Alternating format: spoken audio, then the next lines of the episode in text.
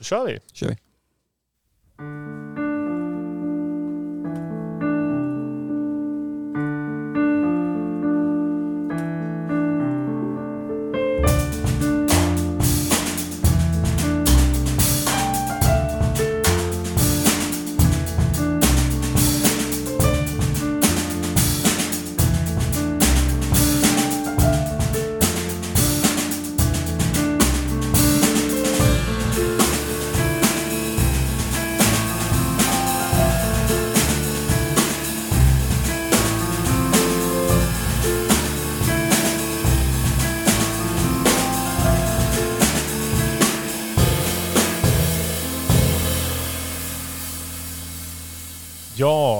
Känner er välkomna till podden Pausa, en podd från Södra Tjust pastorat.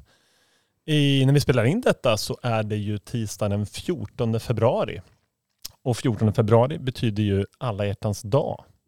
Anton Hultgren, Yes. alltid vid min sida. Vad, eh, vad säger du om alla hjärtans dag?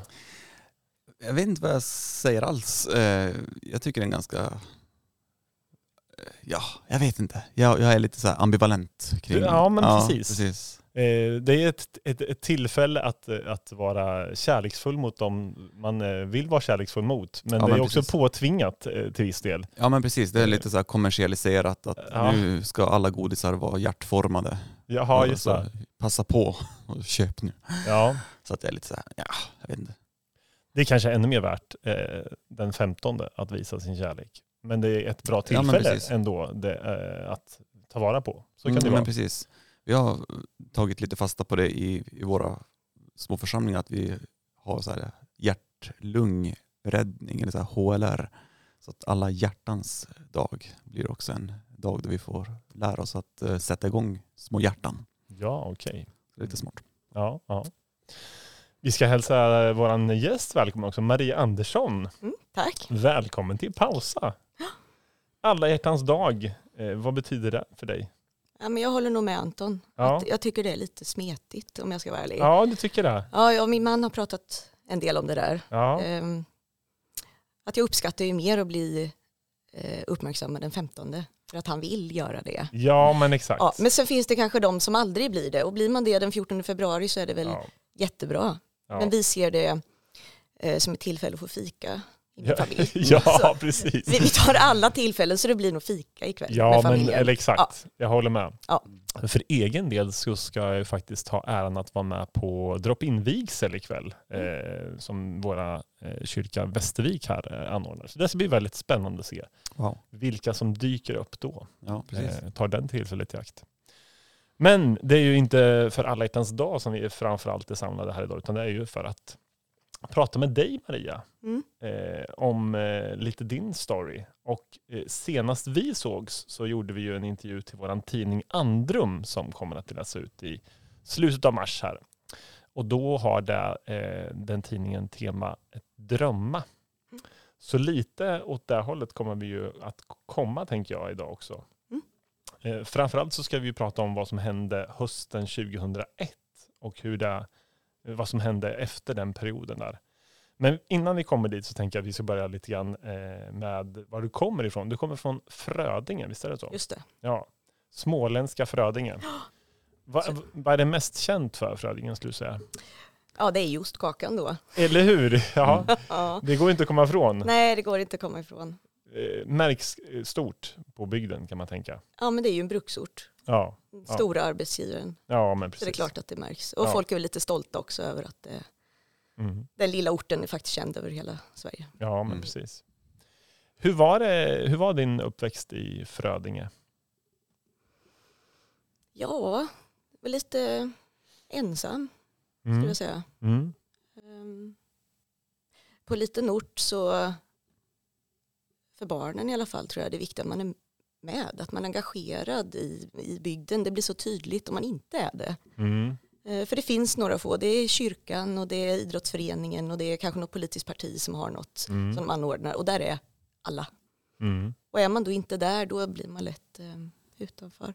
Och du var inte i varken kyrkan eller idrottslivet? Så. Nej. Nej. Och jag var jätteavundsjuk på mina kompisar som fick gå till juniorerna och miniorerna varje vecka. Det lät Ja, okej. jätteroligt. Ja. Mm. Men vad gjorde du istället? Jag eh, dansade ballett, Mhm. jag eh, spelade piano. Men det var inte porten utan vi åkte iväg. Liksom. Mm, okej, Mm. okej. Eh, när vi kommer upp lite i åldern så vet jag ju att du eh, ja, du har också nämnt att du, du såg dig själv som kanske lite så här, eller du var den duktiga flickan lite grann. Ja, inte bara lite grann. Nej, vad, vad, betyder, vad betyder det här uttrycket eh, när du tänker på det?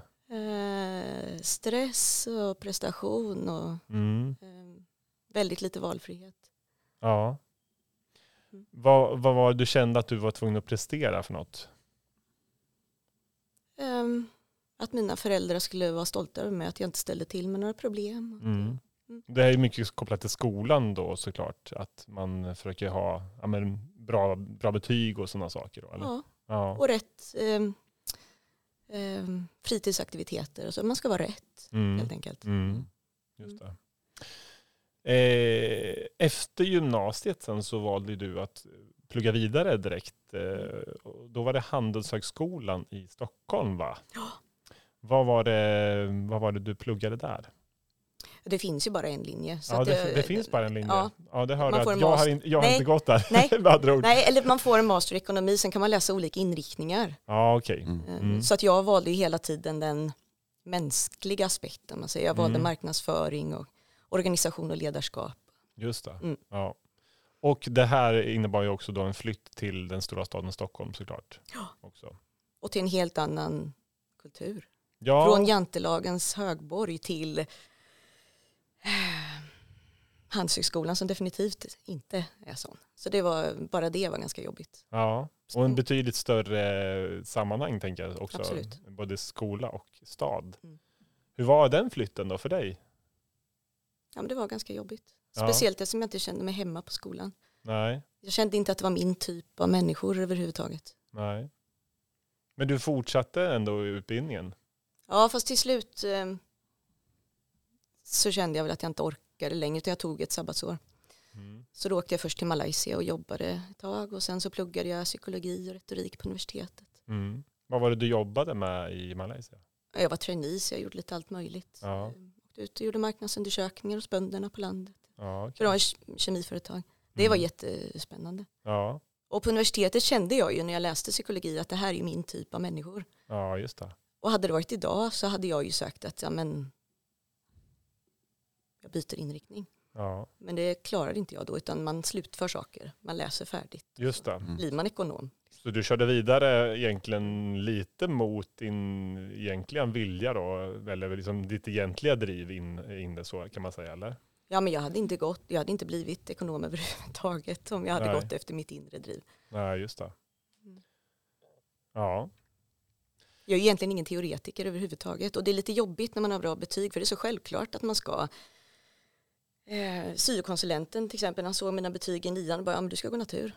mm. Utan överhuvudtaget Mm. fundera på om det var jag, det jag ville eller Mm. och det är lite tråkigt tycker jag att när det är så för det, det, det har ju inte att göra någonting med hur jag är som person det är bara att Nej. jag råkar vara född till att ha lätt att läsa in saker. Det Ja, betyder ju inte att det är någonting som jag Det ligger kanske- i förväntan att bra betyg ska generera. Exakt, för annars Ja. på något sätt slösar man bort Ja. dem. Jag menar, jag är ju inte en speciellt bra teoretiker. Jag är ju en praktiker och det är det Ja. jag mår bra av. Men Mm. det tog ju fram till nu. Och Ja. förstå det. Jag måste berätta, jag, en, jag hade en, en konfirmand för många, många år sedan som, eh, som eh, hade bra betyg i högstadiet och så skulle hon söka in på eh, gymnasiet och hon skulle söka till frisör. Mm. Och så fick, eh, det var jättehöga betyg som man behöver för att få komma in på frisör för att man har ju betyget att gå på. Och så säger då liksom den här eh, någon lärare i något ämne bara, jaha, och du ska väl gå natur förstår jag? Hon bara, nej jag ska gå till frisör, gå frisör. Jaha, jag hade ju tänkt sätta högsta betyg men så då sänkte hon bara för att, bara för att hon inte skulle, Okej, ja, Ja. det var lite speciellt. Tråkig inställning. lite, Ja. lite trist så inställning. Ja. Pausa. Men eh, Maria, du fullgör alltså, du, du, du kör hela vägen eh, igenom och blir utbildad och klar i civil Ekonom Mm. är, är titeln då ja. Och sen började du jobba i Stockholm. Ja. Vart är det du började jobba? Eh, på ett företag som heter Claritas Mm. ehm, med geografisk marknadsföring. Mm. Och hur var det? Egentligen det var inget fel på vare sig företaget eller ehm, uppgifterna. Det var bara det att jag mådde ganska dåligt och skolan för mig hade nog hållit ihop mig mer än vad jag förstod. För det var väldigt tydligt vad som förväntades av Mm. en.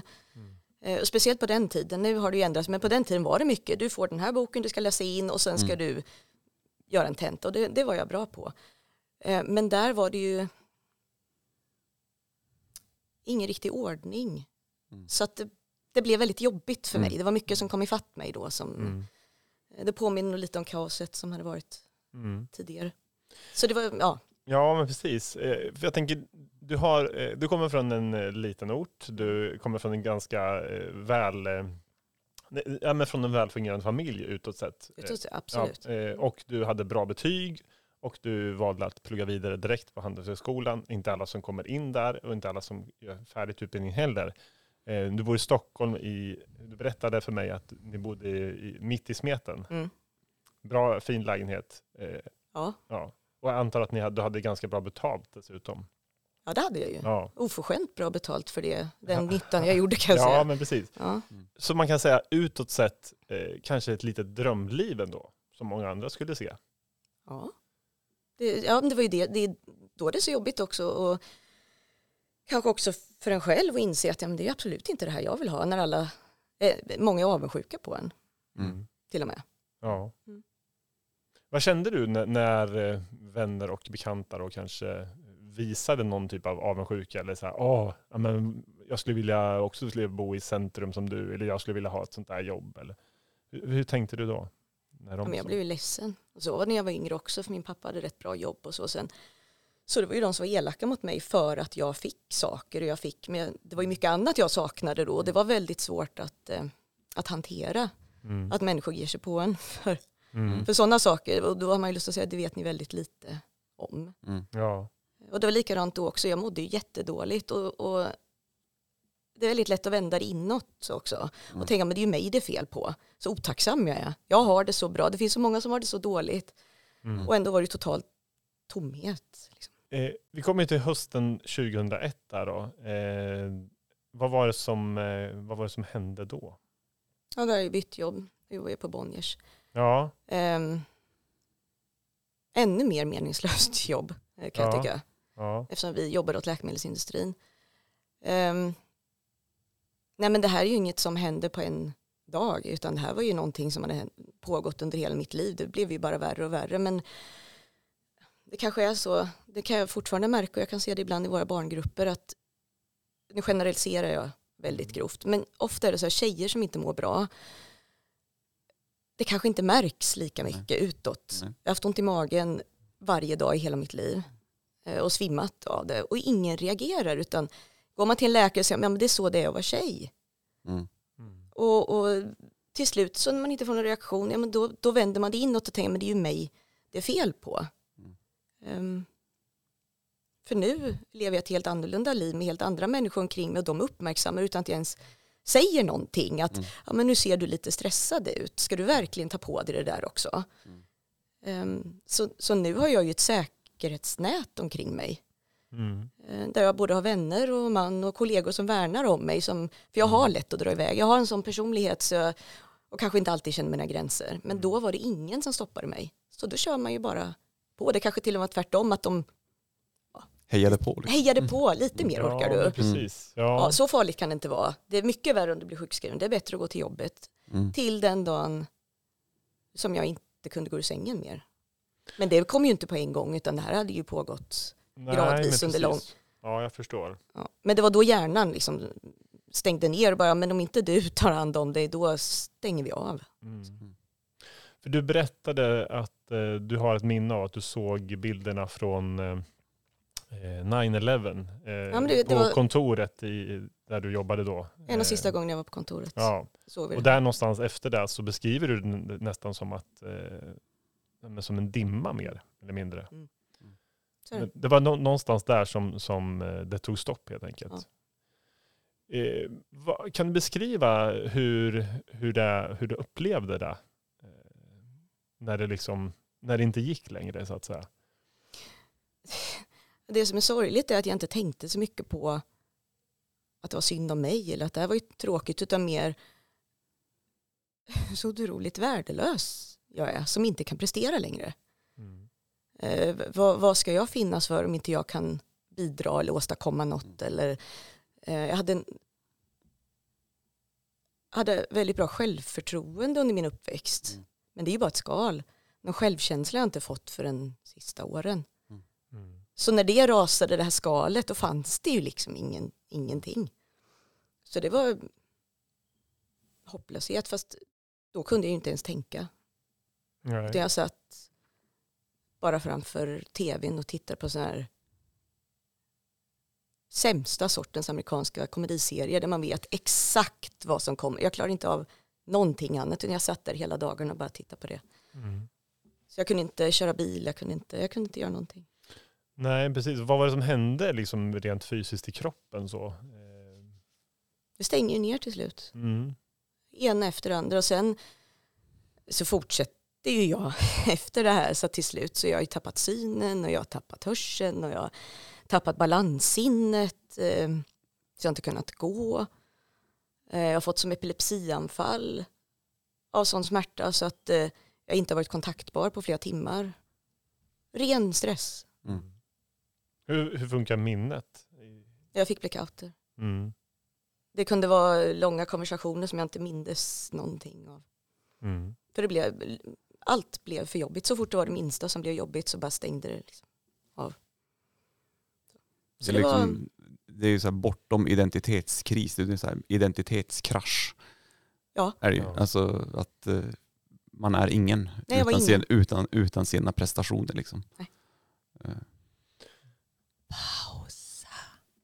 Ja, för jag tänker också, du, din hjärna någonstans har ju varit din största tillgång som du beskriver också. Och eh, nu var det annorlunda.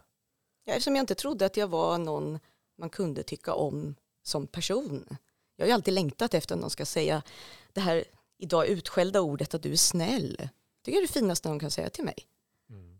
Eh, Eller omtänksam eller eh, en god lyssnare. Eller, men det var bara duktig. Och då som sagt, då hade jag ju inget. För jag kunde ju inte vara duktig då. Nej, men precis. Vad fick du för stöd ifrån din dåvarande arbetsgivare när det här hände? Det är ju det som är på toppen. det, det låter ju dumt, jag var inte på toppen, ni förstår vad jag menar. Mm. Eh, så blåser det ju. Det finns ju andra som vill ta min plats. Så att, eh, de sa ju upp mig, de hittade en anledning att säga upp mig ganska snart. Mm. Så då var ju Mm. både arbetslös och sjukskriven. mm. Mm. Nej, så jag fick inget stöd överhuvudtaget. Det är billigare att bli av med problemet så att säga. Och jag mådde att- så dåligt ja. så de behövde ju inte ens betala ut mig. Utan Nej. det var bara okej, var ska jag skriva på? Okej, jag skriver på här. Mm. Får jag gå hem nu? Mm. Så de utnyttjade ju det. Mm. Så var det ju. Då, då, vad har vi liksom för, eh, hur ser livet ut då? Nu är du sjukskriven och du har inget jobb och du sitter i Stockholm. Eh, vad, vad är det som händer då? Ja, nu har jag träffat min nuvarande man. Vi har Mm. varit ihop i 25 år i år. Mm. Eh, Så vi har haft en lång resa ihop. Mm. Ehm, Men annars de flesta av mina vänner som jag hade var inte sådana jag hade sökt upp om idag. Man söker ofta upp det man känner igen. Mm. Är Och är, är det eh, likgiltighet och kanske att de kan få ut någonting av en, ja men då är det det man dras till tyvärr. Och det är lite sorgligt. Där man säger att ja men en slagen kvinna som lämnar sin man, ja men så går hon och blir ihop med en ny, ja men det är ju för att det är det enda hon känner igen. Liksom. Mm. Att, Det här eh, kommer vi att prata om i nästa avsnitt av Pausa. säga. Ja, just det. Mm. Ja, det har du ju rätt i Anton. Ja. Ja. Så utan hjälp bryter man det inte. Man måste få hjälp utifrån när det är så illa. Ja. Du berättar ju hur, eh, hur dina, du hade katter Mm. eh, runt dig. Mm. Vad betyder de i det här läget? Allt. Ja, kan du beskriva lite hur, hur, hur det kunde vara på det sättet? Men de är så, Jag tycker katter är oförtjänt utskällda. De är väldigt tillgivna, de allra flesta. Mm. Eh, nej, men de älskade ju mig villkorslöst. Sen vad man liksom läser in i det, det är ju inte som en mänsklig liksom, kontakt, men de ger väldigt mycket kärlek Mm. och kräver väldigt lite tillbaka. Mm. Så de höll ju mig i sällskap. Mm. Tålmodigt. Är det något katter har så är det tålamod. De satt där hos mig. Mm. Så att det var värt enormt mycket. Du beskriver till och med i intervjun i Andrum att de till och med räddade livet på dig, skulle du vilja säga. Ja, inte bara vill jag säga, de gjorde det. Det var så? Ja. ja. Eh, nej, för jag pratade med någon häromdagen och sa att jag skulle vara med här och vi skulle prata lite om psykisk ohälsa. Så då sa han att ja, men det, det är ju det enda man pratar om nu för tiden. Jag bara ja, jo, jo, det har du ju rätt i. Men självmord pratar man inte så mycket om fortfarande. Det är fortfarande lite tabu. Och jag vet, du frågade mig innan intervjun om jag skulle tycka att det här var jobbigt. Och då sa jag att ja, men det tror jag inte, för där har jag arbetat igenom så mycket. Men när vi pratade om det, Mm. det var faktiskt jobbigt. För att jag har nog inte förstått för nu, eller kunnat ta till mig hur nära det var. Mm. Eh, och hur man, om man blir avbruten, kan komma in i ett nytt tankefält så man kan släppa det. Och det är det de gjorde. För jag kände att det, jag kände mig bara som en belastning.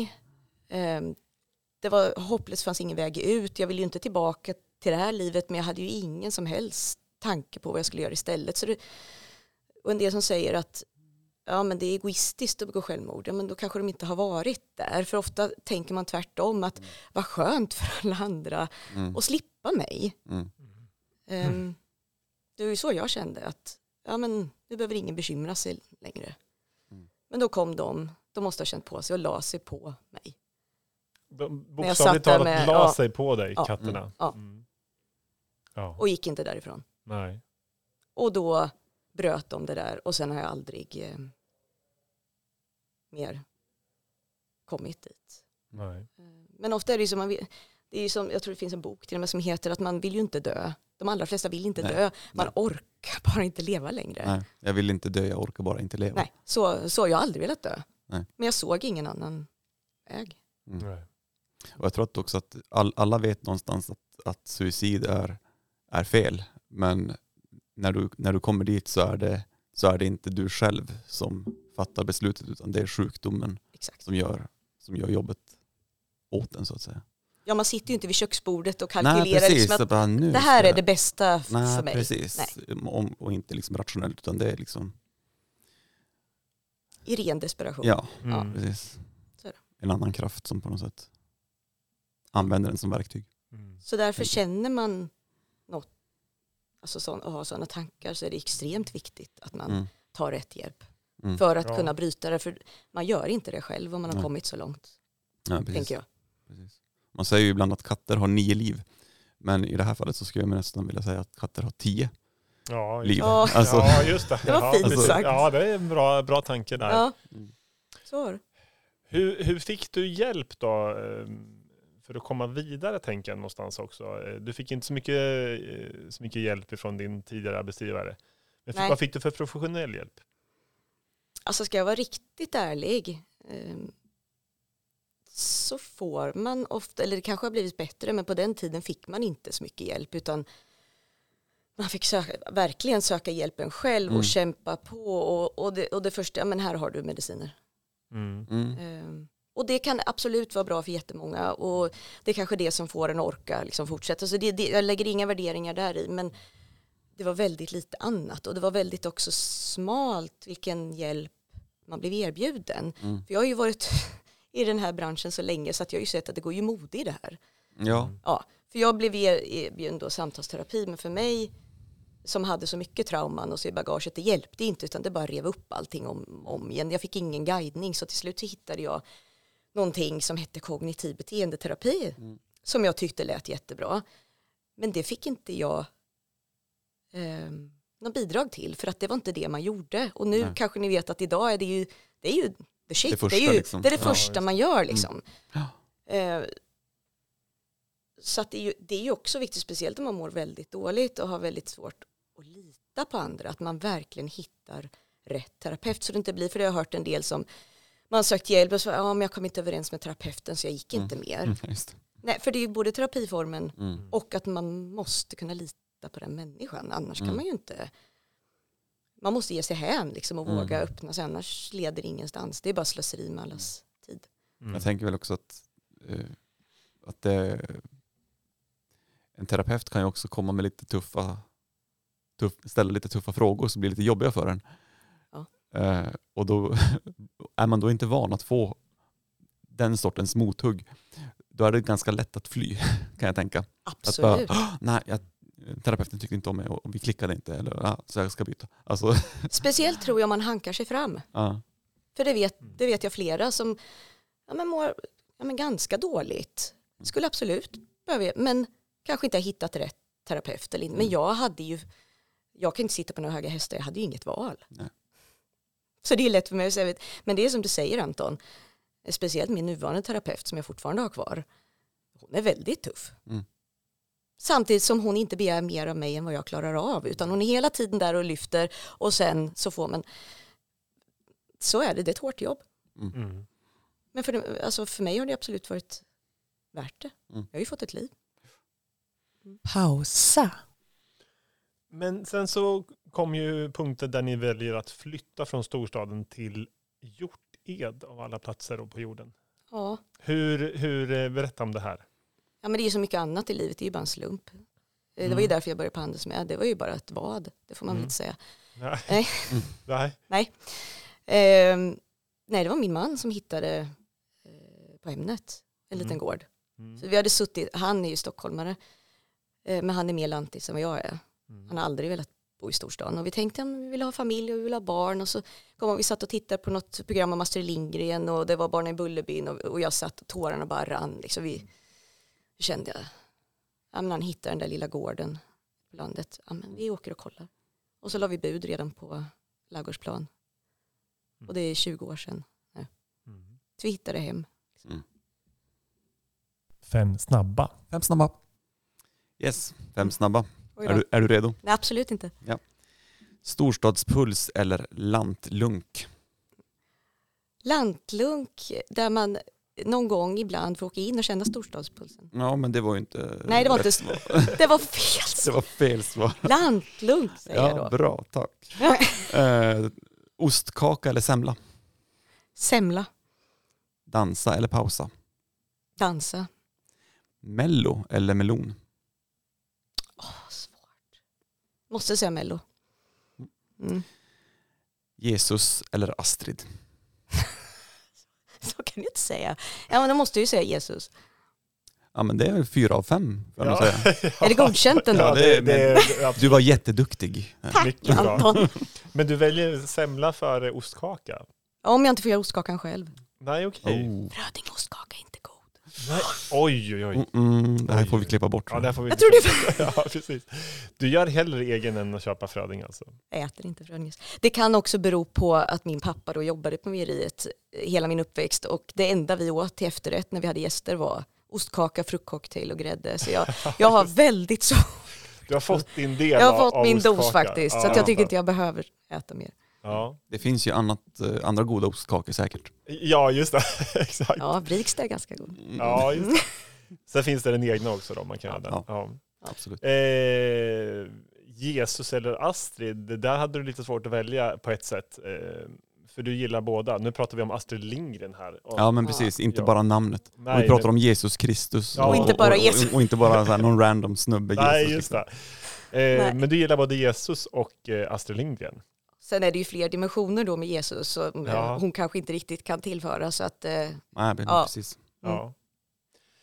Men eh, tillbaka då till Småland och till Astrid Lindgren-land eh, kan man säga då. mm. Eh, vad, då fick du lite kontakt med kyrkan i samband med flytten och till Hjorted också.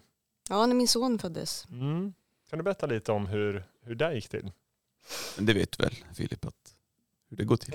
Ja, ja, när, när ett barn föds? Ja. ja, ja, det vet jag ju. Ja, så det behöver vi kanske inte. Nej, det behöver vi inte gå in behöver på. Men själva kopplingen till kyrkan tänkte jag mest på.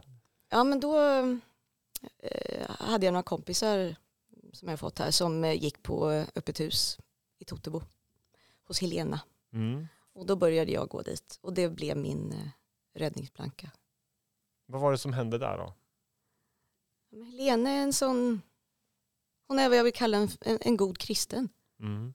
Hon är väldigt snäll och omtänksam och hon lyssnar och hon hade tålamod med mig. Jag fick prata av mig. Hon dömde inte utan ja, jag fick vara mig själv.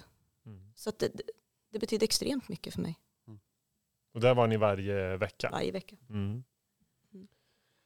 Fanns det fler, eh, nu ställer jag en lite ledande fråga kanske, men, men eh, jag vet att du även blev inbjuden till fler eh, andra träffar i kyrkan vid den här tiden. Ja, det var mycket längre fram. Det var längre fram sen? Ja, för jag mådde, Ja, jag mådde fortfarande väldigt dåligt. Jag hade inte riktigt hittat nej. rätt med min terapeut. Så jag orkade inte mer publika Ja, man ska säga. Så det är många som tror jag har haft, eller har jättefina vänner i den byn där vi bor. Som jag känt från början. Men många trodde ju för några år sedan att vi var nyinflyttade. Mhm. För jag mådde så dåligt när min son var liten så att jag eh, väntade på att det inte var någon annan på förskolan när jag hämtade som jag behövde prata med. Eller, Mm. så, d- så då kan du ju förstå att med mitt, det jobbet jag har nu så har det hänt lite. Mm. Vi ska komma till, till nutiden Ja. så småningom Mm. här. Men, men, eh, och jag förstår att i det här läget så var det kanske eh, fullt tillräckligt att, att ta sig till, eh, till öppet hus där som det kallades. Eh, men så småningom då så, så vart det fler träffar i kyrkan. Ja, då var det återigen en vän som eh, frågade om jag inte skulle följa med till måndagsmaten. Mm. Eh, som då var, tyvärr stoppade i med pandemin, men där ideella eh, lagar mat i församlingshemmet och det kom upp till 150 personer Mm. varje måndag eftermiddag åt. Det är otroligt. Jättefint. Ja. Så hon frågade om jag skulle följa med. Och då till slut så började jag prata med eh, Ann-Charlotte som då var ansvarig för det här och då eh, så frågade hon om jag ville hjälpa till och då tänkte jag eh, ja men som sagt jag fick ju inte jättemycket hjälp från ja, men Försäkringskassa så, så jag har ju haft en egen plan och egna eh, mål hela tiden. Jag skulle ju tillbaka när det väl släppte det här värsta men jag skulle tillbaka till arbetslivet. Och då kände jag att ja, men det här var ju jättebra arbetsträning Mm. också. Både det att jag mådde bra av det och, att, och där kände jag, men laga mat, ja men där kände jag mig hemma. Så att då började jag där. Mm. Och mm, det var helt fantastiskt. Jättehärliga människor som direkt liksom, välkomnade med öppna armar. Och så kände man att man gjorde någonting bra för de som kom dit. Och så, så att det var, och så kom jag i samspråk med Jenny som kantor. Mm. Eh, och hon fick mig att börja spela piano igen efter 25 års uppehåll. Mm. Ehm, vilket eh, jag saknat som hjälpt mig med och också fick mig att börja i kören. Mm. Så att det har, som sagt, man gör oftast inte allting själv utan det, man får en liten inbjudan och lite hjälp. Och så. Just det. Mm, det gäller bara att vara öppen för det. Mm. Mm. Jag tänker också när, när man inte är i, eh, man inte har ett, en arbetsgivare som, eh, och arbetskamrater som ger någon typ av, eh, jag vet inte hur det var för dig, men jag tänker att för många eh, får ju en typ av bekräftelse av att man, är, man, är, eh, man, man förväntas komma och man känner att man har en uppgift om man säger så. Och det tänker jag måste vara viktigt i ditt fall när du kom till kyrkan och kände att ja, men här kan jag få vara med Absolut. och ha en uppgift eh, utan att du behöver känna någon press kanske för den delen heller. Att du var tvungen att vara där. Nej, det var ju det som var avgörande. Mm. Hade jag varit tvungen kanske jag inte hade orkat. Nej. Nej. Mm. Nej, men det, är- jag tror att de som inte upplevt att ha varit långtidssjukskrivna eller långtidsarbetslösa har nog svårt att sätta sig in i hur otroligt ensamt det är. Mm. Eh, Det är en del som raljerar lite och tycker att en del fuskar och är hemma. Och det kanske fin- det finns de också, men de allra, allra flesta vill inget hellre än att vara en del av den här Nej. gemenskapen. Alla vill ha ett, finns en sån här modell, KASAM, som, som ofta kommer, kommer upp i sådana här sammanhang, alltså känsla av sammanhang. Just det. Att alla vill vi vara en del av ett, av ett större sammanhang. Mm. Ja. Det är, det är något djupt mänskligt rotat. Mm. Att ingen, ingen vill vara ensam, utan alla vill tillhöra. Mm. Jag tänker, vår hjärna har ju inte utvecklats så mycket som vi levde på savannen. Nej. Då var det livsfarligt att vara ensam. Mm. Och den rädslan finns ju Mm. fortfarande Mm. kvar, Mm. tänker jag.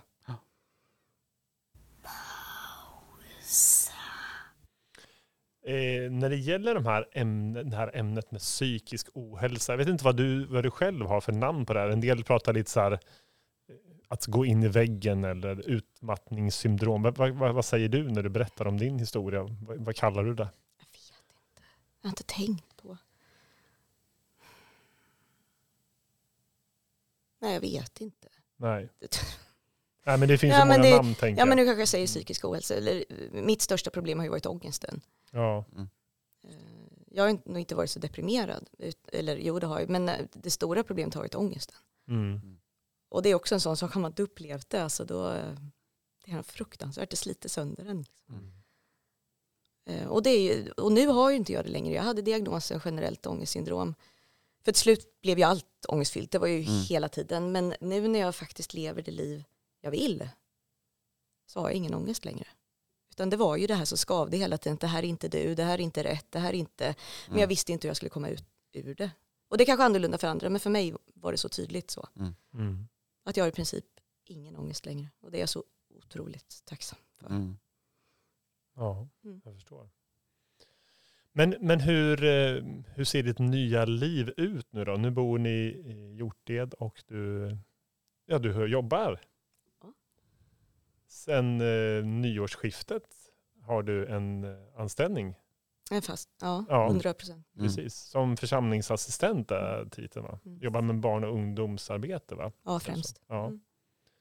Och det här är efter 20 års tid av sjukskrivning. Mm. Det är ju en extremt lång tid alltså. Ja, men precis. Det Det är, svårt att sätta sig in det är, svårt, i. att, det är svårt att ta in, Ja, tycker jag. Mm. Väldigt svårt. Eh, man kan bara backa sitt eget band och se bara, var var man för 20 år sedan. ja. Mm. ja, det är otroligt. Mm. Eh, Men, men eh, berätta om, om hur det kändes att eh, till slut få en anställning igen. Jag är så stolt. Och Ja. så tacksam. Mm. För det är inte bara ett jobb, det är mitt drömjobb. Mm. Mm. Så att det, det kan inte bli bättre. Nej. Det är klart man har vissa dagar när man är trött och vissa dagar som barnen är. Men för, för det allra mesta så är det helt fantastiskt. Mm. Mm. Va- Va, jag tänker det här är ett ganska tabubelagt ämne ändå. Eh, att prata om de här sakerna. Det är väldigt, eh, vi är väldigt tacksamma att du vill komma hit och dela den här storyn med oss eh, och alla lyssnare. Mm. Eh, och tittare med för den delen. Eh, och, men jag undrar lite samtidigt, vad, vad är det drivkraften att du väljer att berätta detta? Det har jag också funderat på. Ja, för du var ju ganska nervös ändå inför det här. Jag inte bara lite. Nej, men precis. Nej. Ehm, ja, eftersom det är så privat och personligt så har, ja, tycker någon någonting så kan jag ju liksom inte bara säga att ja, men det här var ju inte jag. För det, jag har ju Nej. varit helt ärlig. Ehm, det, ja, men jag tror det är för att jag har varit så skam och skulddriven. Jag svarade ju inte ens på en rak fråga.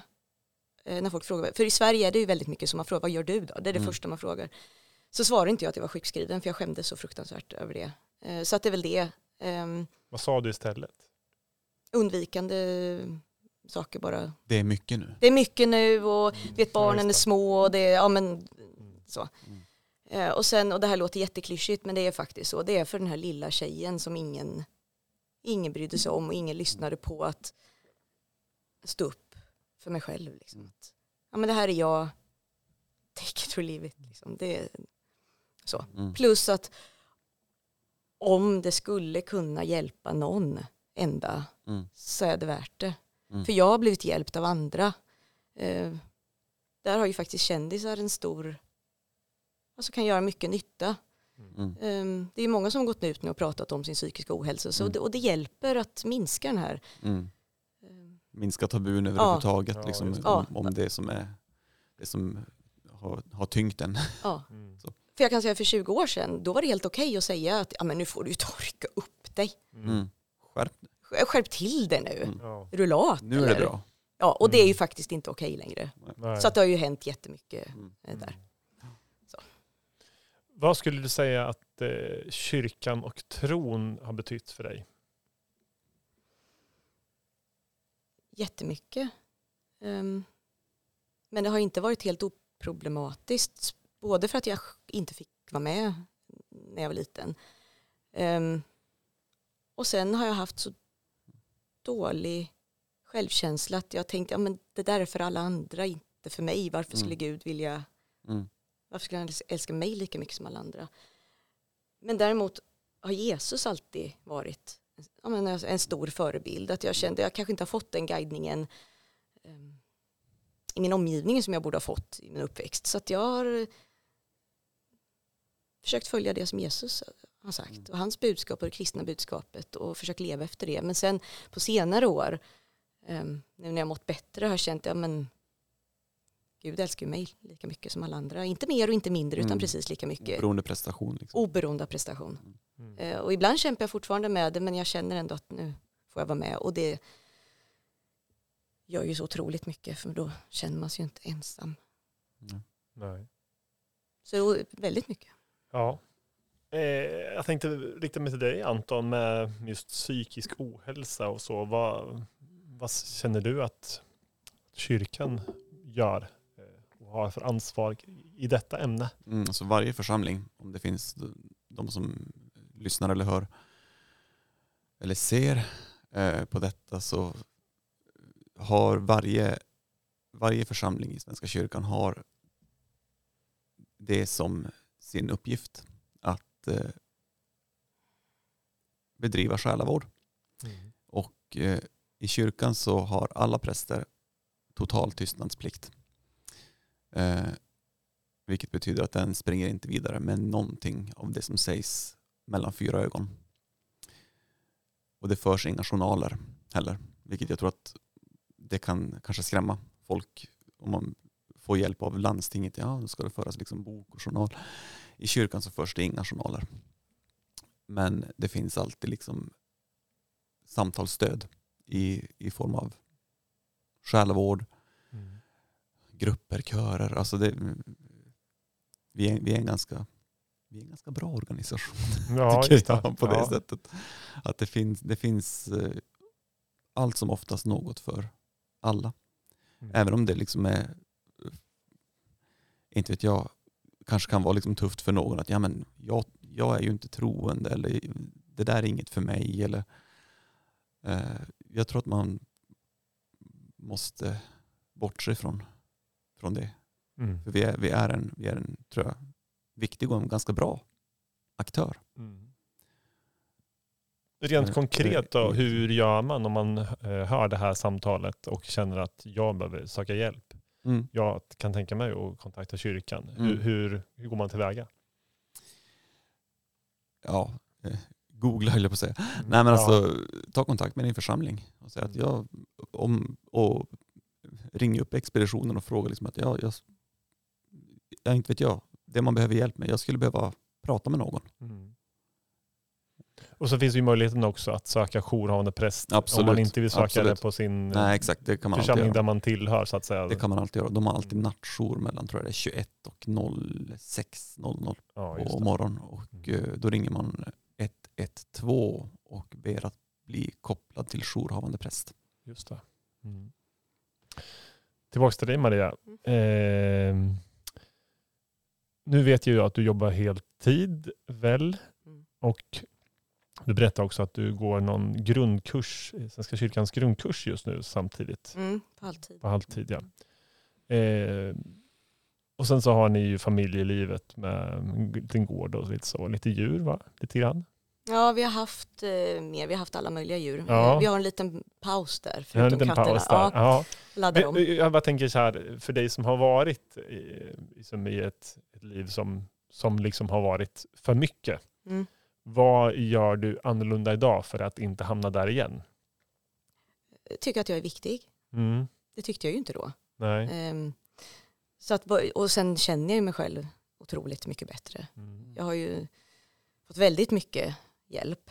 Eh, Så att eh, både att jag själv känner när det blir för mycket och sen så har jag ju fantastiska kollegor och, och vänner som känner mig ganska väl nu och som säger att ja, men nu, det där behöver du ju inte för jag blir lätt väldigt, väldigt entusiastisk över saker och tycker att Mm. vi gör det här och Mm. det här måste vi göra och det här måste vi göra. Men fast det kanske räcker med det här just nu. Mm. Och jag lyssnar faktiskt Mm. på dem också. Mm. Så att eh, jag är inte rädd längre. Hur går det att säga nej? Tack. Ja, min man pratade om det Ja. senast igår kväll och då sa han Maria, nu får du ju träna på, för vi pratar om podden. Ja, just det. Och så säger jag, för jag är lite impulsiv också. Eh, tack, det låter intressant, jag återkommer. Ja, just det. Den Ja. är väldigt bra Ja. faktiskt. Ja. Ett väldigt bra svar. Ja, jag Vi är inte... väldigt glada att du ändå valde att säga ja tack eh, till oss då. Men jag Ja. tänker i andra sammanhang kanske man säger att ja, men nej, nej tack. ja, men jag har ju så, för jag har ju väldigt många saker som jag tycker är väldigt roligt. Mm. Eh, Och just det här att säga stopp fast man tycker att det är roligt. Mm. Och det är många som har Mm. varnat mig för också inom kyrkan, att det finns så mycket man kan Det göra. finns alldeles för mycket roligt att göra inom kyrkans Eller hur? ramar. Liksom. Just det. Ja. Mm. Livsfarlig arbetsplats Ja. för den entusiastiske. ja, Ja just men det. det är det. Och sen just Det att jag... Jag kan ju säga det också att eh, vi inom kyrkan som arbetsgivare, vi är ju inte förskonade. Eh, bara för att eh, Maria har hittat sin, eh, dröm, eh, sin drömtillvaro Mm. eh, så är inte det ett, ett kvitto på att sök dig till kyrkan för då, då löser det sig. Ja, just det. Utan det finns utbrända, utbrända folk i, inom kyrkan också. Ja, Och som Det- känner sig meningslösa i sina jobb inom kyrkan också. Så det förtjänar att bli sagt. ja, just Ja. det. Ja. Som en avslutning då, eh, vad skulle du ge för råd då till den som eh, kanske är i, eh, lever i psykisk ohälsa just nu eh, och som kanske, eller någon som är på väg ur det precis här. Hur, hur, vad har du för råd att ge? Det är så svårt att ge generella råd eftersom det är så Mm. olika varför man har hamnat i. En del ju med, alltså har man, mycket har man ju medfött och en del är miljö. Miljö är ju lättare att göra någonting åt. Mm. Men just det här om man har hamnat snett, att livet är inte bara till för att överlevas. Men det är jättelätt att säga. Mm. För det är precis som i terapi så kräver det ju ofta ganska mycket. Alltså jag har ju lagt väldigt mycket jobb på att komma dit jag är. Mm. Att man måste vara beredd att göra jobbet. Mm. För, ja, nu har vi inte pratat så mycket om drömmar, men jag kan känna i dagens samhälle att det är lite sådär att man vill ha en quick fix. Mm. Att man drömmer om någonting och så blir man jättestressad över att man inte kommer dit. Jo, fast det kräver ju faktiskt Mm. ofta mycket målmedvetet Mm. arbete. Jag har ju haft, sen jag insåg att det är det här jag vill göra, har jag jobbat väldigt målmedvetet. De har ju inte blivit av med mig till slut, utan det är, så Mm. jag har hållit mig fast. Det har ju inte varit självklart Nej. hela tiden. Men också men, men att inte göra det själv. Mm. Om inte annat så bolla med någon som man litar på och, och tycker om. Alltså bara att sätta ord på Mm. sina problem kan hjälpa. Mm. Eh, Det är, det är inte, oftast är det bara bra om den andra inte försöker fixa det utan bara lyssnar för då kommer man ofta fra, själv fram till men det farliga är att sitta ensam och, låta, och hamna i sina tankeloppar som liksom aldrig Mm. tar slut för man bryter det inte själv till slut utan då behövs det någon från liksom, sidan som Mm. Mm. Mm. jag vet inte om det var något vettigt i det Ja, här jo men, men absolut. Ja. Ja. Det kan kan ju- säkert vara bra för någon. Ja, men jag tänker det också. och jag kan ju bara tala utifrån mig själv Ja, men såklart. Och det är Ja. säkert väldigt individuellt säger du också, just hur, vilken hjälp man, ja, vilket råd man ska ge. Det är ju Absolut. väldigt svårt att säga något generellt så Ja. kanske såklart. Vi är väldigt glada i alla fall att du har städat fram din gamla riktiga dröm om eh, ett liv på landet och det här drömlivet som du beskriver, som du lever nu. Mm. Att det blev så till slut. Ja. Efter alla år av annat som inte var egentligen där du skulle göra. ja då får man ju känna istället för att bli bitter över ja men 20 år det är ju en lång tid Mm. men det finns de som aldrig kommer hit där jag är Nej. så att jag är otroligt tacksam Ja. man får välja det Mm. välja tacksamheten Tack så jättemycket Maria för att du valde att eh, berätta eh, i pausa. tack för att jag fick vara med Ja. Mer om Maria Andersson och hennes story kan du alltså läsa i kommande andrum som kommer att delas ut till alla hushåll i Västerviks kommun här. Eh, Södra Tjustpastorat. Södra Tjus pastorat, förlåt, så ska, det, så ska vi säga. Eh, I mars eh, och det går också att läsa digitalt på hemsidan för dig som inte bor eh, inom vårt pastorat. Eh, vill du veta mer om vad som händer i våra kyrkor så ser du det på vår hemsida och i våra sociala medier. Och med de orden så avslutar vi dagens pausa. Det gör vi. Tack för att ni kom och tack för att ni lyssnade och tittade. Ha det så bra.